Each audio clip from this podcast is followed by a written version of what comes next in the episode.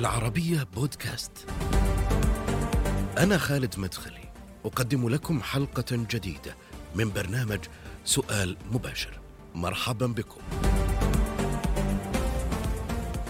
حياته بين الاعتقال والخروج عن وطنه والتوقف عن النشاط السياسي لفترة ثم العودة مرة أخرى ليكون عنصرا مهما في التغيرات التي تشهدها بلاده. مسيرته مليئة بالأحداث والتحولات خصوصا في التيار الإسلامي. كونه داعية معروف وأحد القادة التاريخيين لحركة النهضة يرأس وينوب وينافس في المعارك البرلمانية. من أجل الوصول إلى أهداف ربما حققها أو لم يحققها حتى الآن. الرئيس السابق للبرلمان التونسي بالنيابة عبد الفتاح مورو في سؤال مباشر. سيد عبد الفتاح أهلا وسهلا بك معي. أهلا وسهلا تحية لكم. أهلا بك. خليني أبدأ معك سيد عبد الفتاح من مقابلة أجريتها يمكن قلت فيها بأنك اعتزلت أو لن تعود إلى العمل السياسي مرة أخرى. هل لازلت على هذا الموقف أم تفكر بالعودة؟ يعني؟ لا ابدا هذا قرار نهائي اقتضاه وضعي وسني. والمرحلة التي دخلناها الآن لم تعد مرحلتي ولا مرحلة أمثالي. لذلك خيرت أن أكون مواطنا عاديا أعيش مع ابناء وطني لكن لا أتحمل قيادتهم لأن غيري مؤهل لذلك أحسن مني. هل تختلف اليوم يعني طريقة نظرتك تونس التغيرات والمشهد فيها يعني لما كنت فاعل في الحراك السياسي والآن بعد اعتزالك وتحولك إلى مواطن كما تقول مواطن عادي. لا يعني المسار كأنه متكامل لأن ما نراه اليوم من أحداث هو يعبر عن رغبة هذا الشعب في أن يتموقع في أن يجد لنفسه طريقا في أن يخط لنفسه مسارا في أن يحقق لنفسه أهدافا. وهذا المسار هو مسار ليس ليس سهلا لأنه مسار تغييري تختلف عليه الآراء والأفكار.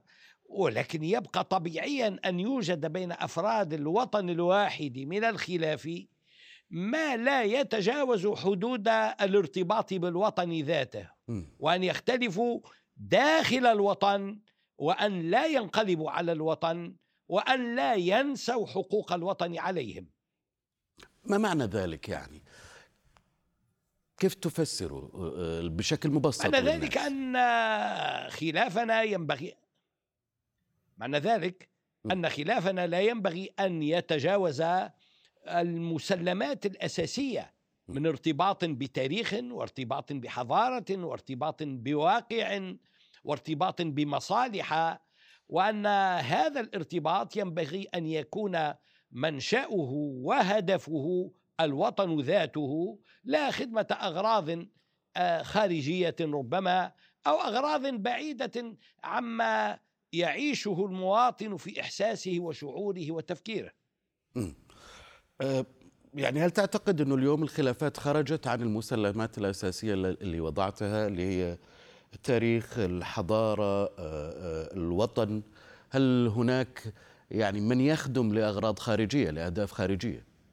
على كل حال أنا لا علم لي بذلك لكن الذي أقوله وأن علينا أن لا نتجاوز إلى التكفير أو التخوين. م. هذان أمران فيهما حكم على انتماء الفرد وفيهما اعتداء على مسلمات الوطن. لا نكفر بعضنا ولا نخون بعضنا. وبعد ذلك كل الخلافات يمكن أن تحل. التجربة الأخيرة يعني المتعلقة بالانتخابات البرلمانية يعني شهدت تونس ربما أقل مشاركة أو أضعف مشاركة حتى العالم كله يعني كان يتحدث على أن حتى على مستوى العالم كانت المشاركة الشعبية في أدنى مستوياتها ماذا يعكس ذلك برأيك؟ يبدو أنه يعكس خيبة أمل حيال السياسيين م. أن المواطنين كانوا يتوقعون أن يكون السياسيون أكثر نضجا وأقدر على الخروج من الأزمة وتراكمت الأزمات على الوطن تنازل أزمة الكوفيد وأزمة الحرب القائمة في أوكرانيا اليوم والتي ظهر عسرها على الحياة اليومية للمواطن. وشعر الناس بأن السياسيين لم يقدموا لهم حلولا فيبدو أن عزوفهم عن التوجه إلى صناديق الاقتراع يرجع إلى هذا الشعور الذاتي كأنهم يعتبرون أنفسهم قد خانهم السياسيون ولم يعودوا يشتغلون بمصالحهم ولا يحققون أهدافهم الذاتية. يعني أنت كنت داخل هذه العملية السياسية آه، آه، وحياتك كلها يعني تتموضع في هذه الحالة في السياسة ثم الخروج والعودة. آه، كنت فاعلا بشكل كبير يعني خلال فترة من الفترات بالذات أثناء يمكن مع حركة النهضة التونسية. أنا أريد أن أسأل سؤال أنت كمراقب كداخل أيضا في هذه لماذا فشلت التجربة تجربة الإسلاميين تجربة حركة النهضة في في تونس تجربة الحكم والله كل كل تجربة سياسية تستوجب تخطيطا وتفكيرا وتستوجب كوادر وتستوجب قدرات وهذه لم يكن يملكها آه، التيارات التي صعدت بعد الثورة لأنها تكونت على عجل ولأن شبابها لم يكونوا قادرين على أن يستوعبوا الواقع ويدركوا الواقع ويفهموا ما المطلوب منهم وأن الكثيرين قد فتحوا خصومات عقائدية وخصومات إيديولوجية عوض أن ينكبوا على معالجة الواقع والسعي لتغييره. علما بأن إدارة الشأن العام ليست قضية سهلة. هي قضية تستوجب معرفة تستوجب قدرات تستوجب تخطيطا. وهذا لم يتوفر لحركة النهضة في تونس كما لم يتوفر لكثير من الحركات السياسية الأخرى. ولذلك في تصوري الفشل كان فشلا ذريعا للجميع بتفاوت المسؤولية فيه يقينا. لو وضعناها كذلك في نفس الإطار مع تجربة الإخوان المسلمين في مصر سيد عبد الفتاح. أيضا كان الفشل هو العنوان الرئيسي لهذه التجربة تجربة الحكم. هل تتشابه يعني آه، عوامل الفشل عند الإخوان المسلمين مع عوامل الفشل أم أن هناك فرق بينهما؟ نتحدث بين التجربة المصرية والتجربة التونسية بعد الربيع العربي أنا أحترز من الجواب في هذه النقطة لأني أخذت على نفسي أن لا أتدخل في أي شأن وهذا شأن سياسي يتعلق ببلد نحترمه ونقدره ونقدر ماضيه وحاضره وننتظر منه مستقبلا أن يكون في مقدمة النهضة الإسلامية والنهضة العربية وأن يقود في المنطقة. ولذلك أحترز عن الإجابة أولا احتراما لما حصل في مصر وما يحصل. ثانيا لأن المعطيات المتوفرة لدي ليست كافية لتجعلني قادرا على أن أحكم وأقيم. لكن في ال في ال في المشهد المنظور أن هناك نقائص عديدة حصلت من الذين تولوا السلطة بعد الثورة في في 2011 أدت إلى هذا الانسداد انسداد الآفاق سواء في وطني أو في كثير من أوطان العرب حيث تحركت الشعوب ولكنها لم تكن على هدى في تحركها وهذا يحتاج منا إلى تقييم جديد لواقع التحرك الشعبي. هل أن شعوبنا اليوم قادرة بما لديها من إمكانيات على أن تختط لنفسها طريق الخلاص من هذا التخلف الذي نعيشه جميعا والذي نمجه والذي تحدثنا عنه منذ القرن التاسع عشر والقرن العشرين وأبينا أن نبقى تابعين لغيرنا. وتحدث كل المصلحين في أوطاننا على أن مآل العرب والمسلمين ينبغي أن يتحول إلى مركز مرموق في العالم لكننا لم نحقق ذلك إلى الآن. ينبغي أن نسأل أنفسنا ما الذي نقصنا في هذا التغيير ما الذي نقصنا لماذا لم نقدر على أن نأخذ مكاننا ما الذي نقصنا؟ أنا أريد أن, أن أفهم لأنه يعني لا نريد أن نتح... أنت لا تريد أن تتحدث عن الشأن المصري يعني تحديدا لأن أضعها في إطار الحكم الإسلامي. حكم هذه الجماعات الإسلامية. لماذا فشلت؟ يعني أين يكمن الخطأ في هذه التجارب التي حكمت فترة من الفترات ثم الآن أصبحت يمكن في في في سجون لفظها الشعب وهذا المشهد يعني حاضر وواضح في أكثر من بلد عربي واسلامي. سيد الكريم كلمة الحكم كلمة سهلة على اللسان لكنها في الحقيقة هي هي مسار ينبغي أن تتوفر شروط نجاحه الحكم والقدرة على فهم الواقع الذي نعيش المؤثرات فيه من يحكمنا من داخلنا من يتحكم في أوضاعنا الاقتصادية والاجتماعية من خارجنا. ممتاز. نحن كغيرنا من الشعوب معرضون إلى تأثير وإلى تأثير قوي من الذين يصنعون والذين يبدعون الذين يطعموننا والذين يكسوننا والذين يقدمون لنا حاجيات زمننا. هم من خلال ذلك لهم سلطان لا أقول مباشر ولكن هم لهم سلطان علينا حتى على المستوى الأدبي. هل نحن قدرنا على أن نأخذ لأنفسنا بأسباب عزتنا ومجدنا وأن نكتسب لأنفسنا ما اكتسبوه هم في قرون نهضتهم الثلاث أو الأربع التي سبقت القرن العشرين؟ نحن اليوم نتحدث عن تغيير في أوطاننا. ثلث شعوبنا لا تحسن القراءة والكتابة. نحن معزولون عن العلوم الإنسانية الموجودة في العالم. نحن لا نقرأ نحن لا نتعلم نحن لم نفتح كلياتنا ولم نفتح مجتمعاتنا. نحن لم ندر حوارا بين نخبنا وشعوبنا. كيف يمكن أن نتحدث عن حكم ونحن عاجزون عن أن نوفر الأقل القليل مما ذكرت؟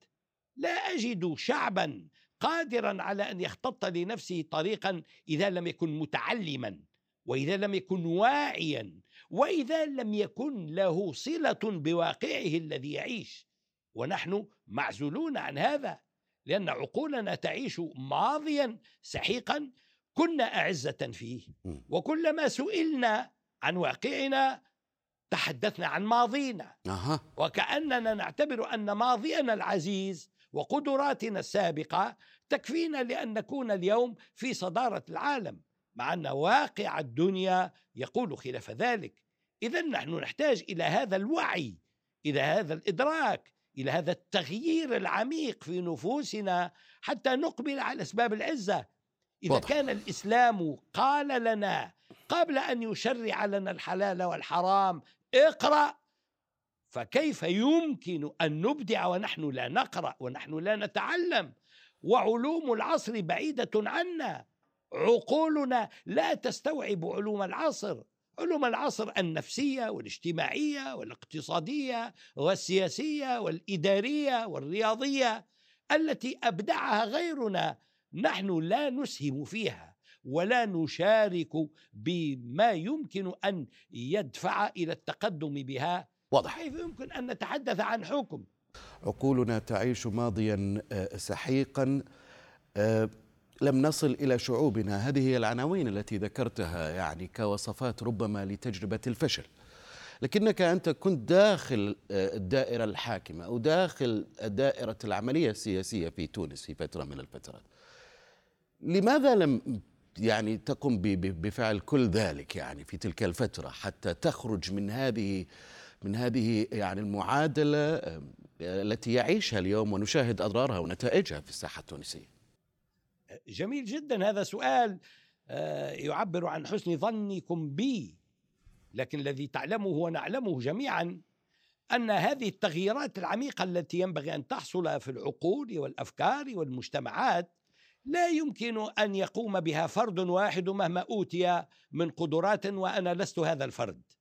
أنا فرد مع غيري أملك أن أعبر عن هذا التشوف لكن هذا التغيير لا يمكن أن يحصل إلا إذا هدأت نفوس أفراد الشعب جميعا وفتح العوار الوطني. نحن نحتاج إلى حوار وطني داخل وطننا داخل بلدنا. جيد. لماذا لم أين نحن؟ لماذا لم يكن هناك حوار وطني أثناء نعم. يعني حكم على الأقل النهضة آه، أثناء فترة وجودك في البرلمان في في داخل الدوائر السياسية لماذا لم يبدأ بذلك؟ لم يبدأ بذلك لأن الناس كانوا مكممين قبل الثورة. فلما أزيل المانع أراد الجميع أن يتكلم ويتكلم في وقت واحد. لم نسمع بعضنا. نحن تشوفنا وشوقنا وعطشنا إلى أن نعبر عن أنفسنا جعلنا لا نحترم بعضنا. والذين يتكلمون في وقت واحد لا يبلغون ولا يدركون. نحن نحتاج اليوم إلى شكل من أشكال الهدوء ليتحدث الجميع وليفيد الجميع وليسمع الجميع. نحن نحتاج الا نعتبر بعضنا عدوا لبعض وأن نعتبر أن التكامل بيننا هو الذي يساعدنا على استيعاب الفكر المخالف. لا ينبغي أن نبقى نحن كقطرة الماء يشبه بعضنا بعضا لأن الله لم يخلقنا لذلك.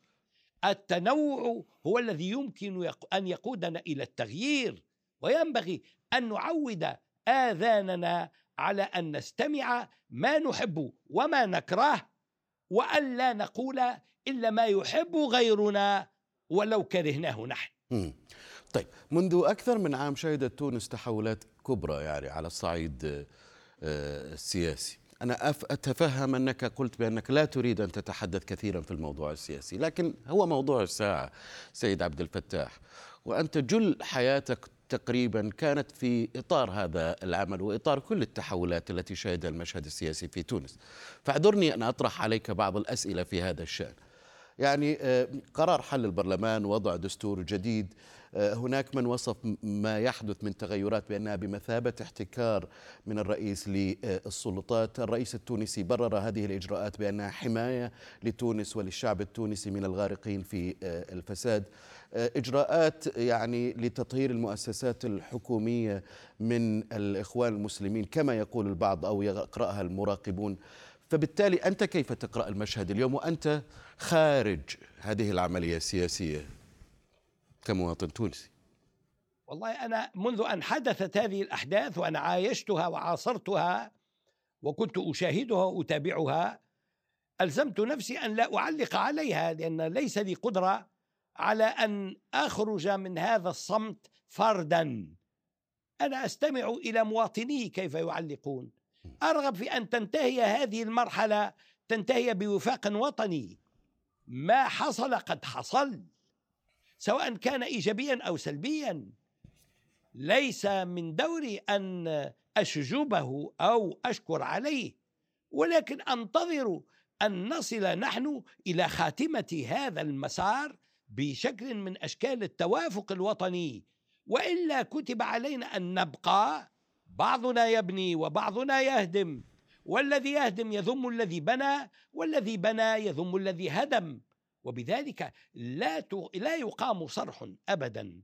الصروح في الأوطان تقام بالتراكم بأن يبني بعضنا على بناء بعض يغير ما أمكن أن يغير لكن نصل بعد ذلك إلى قدرة في أن ينظر بعضنا إلى وجه بعض لكن فعليا هل تسير إلى نحو توافق وإلى سيد عبد. الفتاح المواطن هل يشعر بأن الأمور تتجه. إلى هناك توافق دعوات. سياسي هناك دعوات استمعت إليها وبكل اهتمام م. لا أدري محتواها ولا مآلاتها لكن يسعدني كمواطن يريد أن يعيش في وطن هادئ يسعدني أن يقع الحديث عن ذلك وأن آه، يجتمع عقلاء الوطن ومفكروهم ونخبهم آه، حول آه، مثال يحتذى من قبل شعوبهم لأن الخلاف على مستوى النخبة ينتقل إلى حراب على مستوى الشعوب ونحن لا نرغب في أن نقع في ذلك.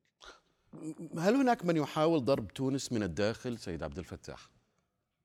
أنا لا أتهم أحدا في وطنيته ولكن أقول إن الجاهل يفعل بنفسه ما يفعل العدو بعدوه. فالجهل يمكن أن يؤدي بنا إلى تخريب بيوتنا.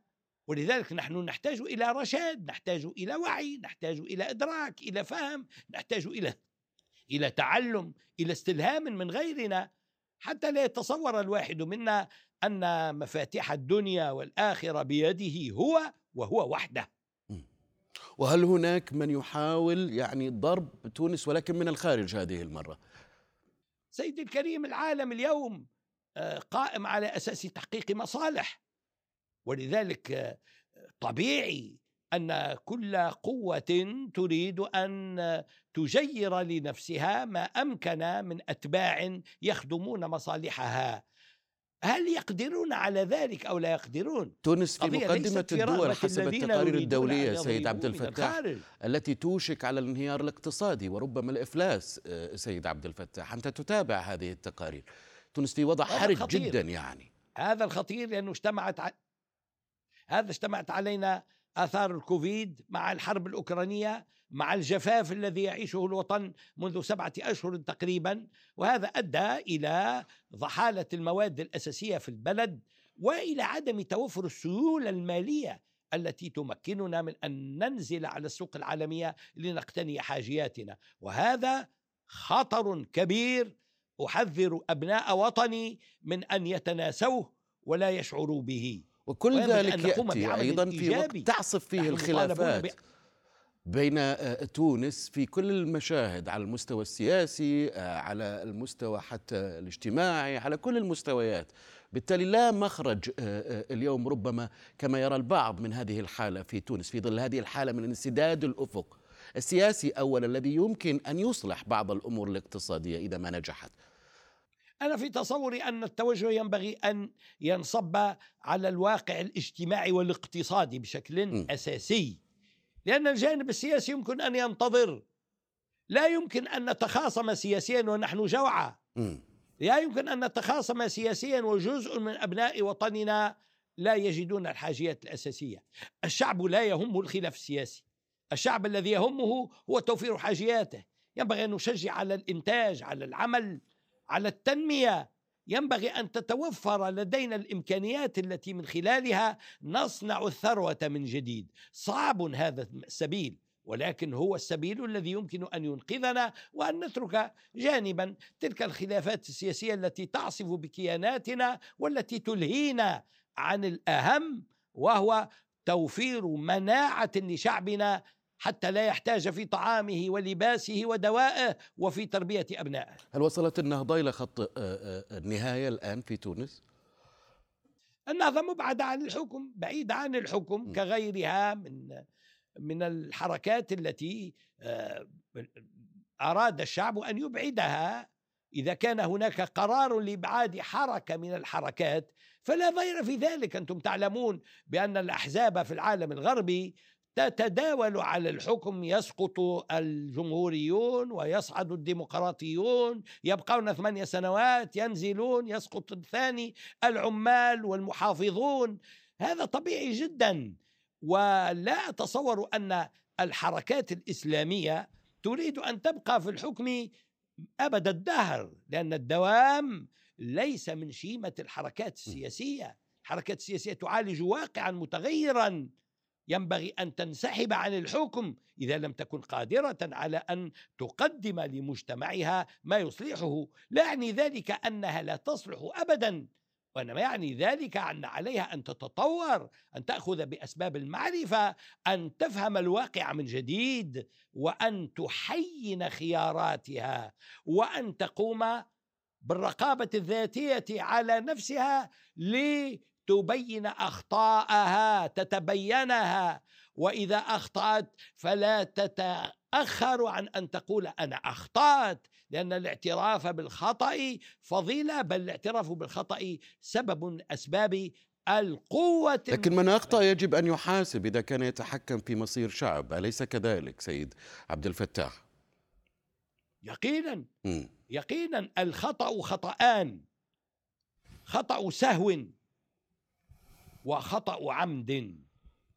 وخطأ العمد يجب أن يحاسب صاحبه جزائيا وخطأ السهو يحاسب صاحبه سياسيا. أنت مع إجراءات المحاسبة الآن للغنوشي الذي المرفوعة عليه قضايا الذي يحمله الكثير يعني مسؤولية ما يحدث في في في تونس عن رموز حركة النهضة في فترة في فترة حكمهم. أنت مع هذا التوجه أم لا؟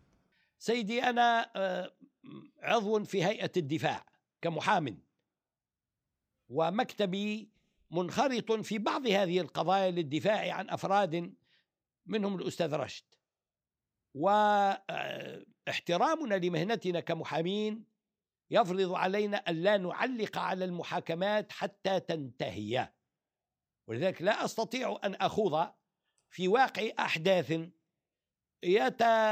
يتصدى لها القضاة الشرفاء الكرام الذين نحترمهم ونحن ننتظر مآلات ذلك. ومعركتنا هي معركة داخل قصور العدالة داخل المحاكم وليست خارجها. شكرا جزيلا لك رئيس السابق للبرلمان التونسي بالنيابة عبد الفتاح مورو. نهاية هذه الحلقة من سؤال مباشر دائما يمكنكم متابعتنا على مواقع التواصل الاجتماعي تويتر فيسبوك ويوتيوب. ومشاهدة هذه الحلقة والاستماع إليها على شاهد وعلى العربية بودكاست. إلى اللقاء.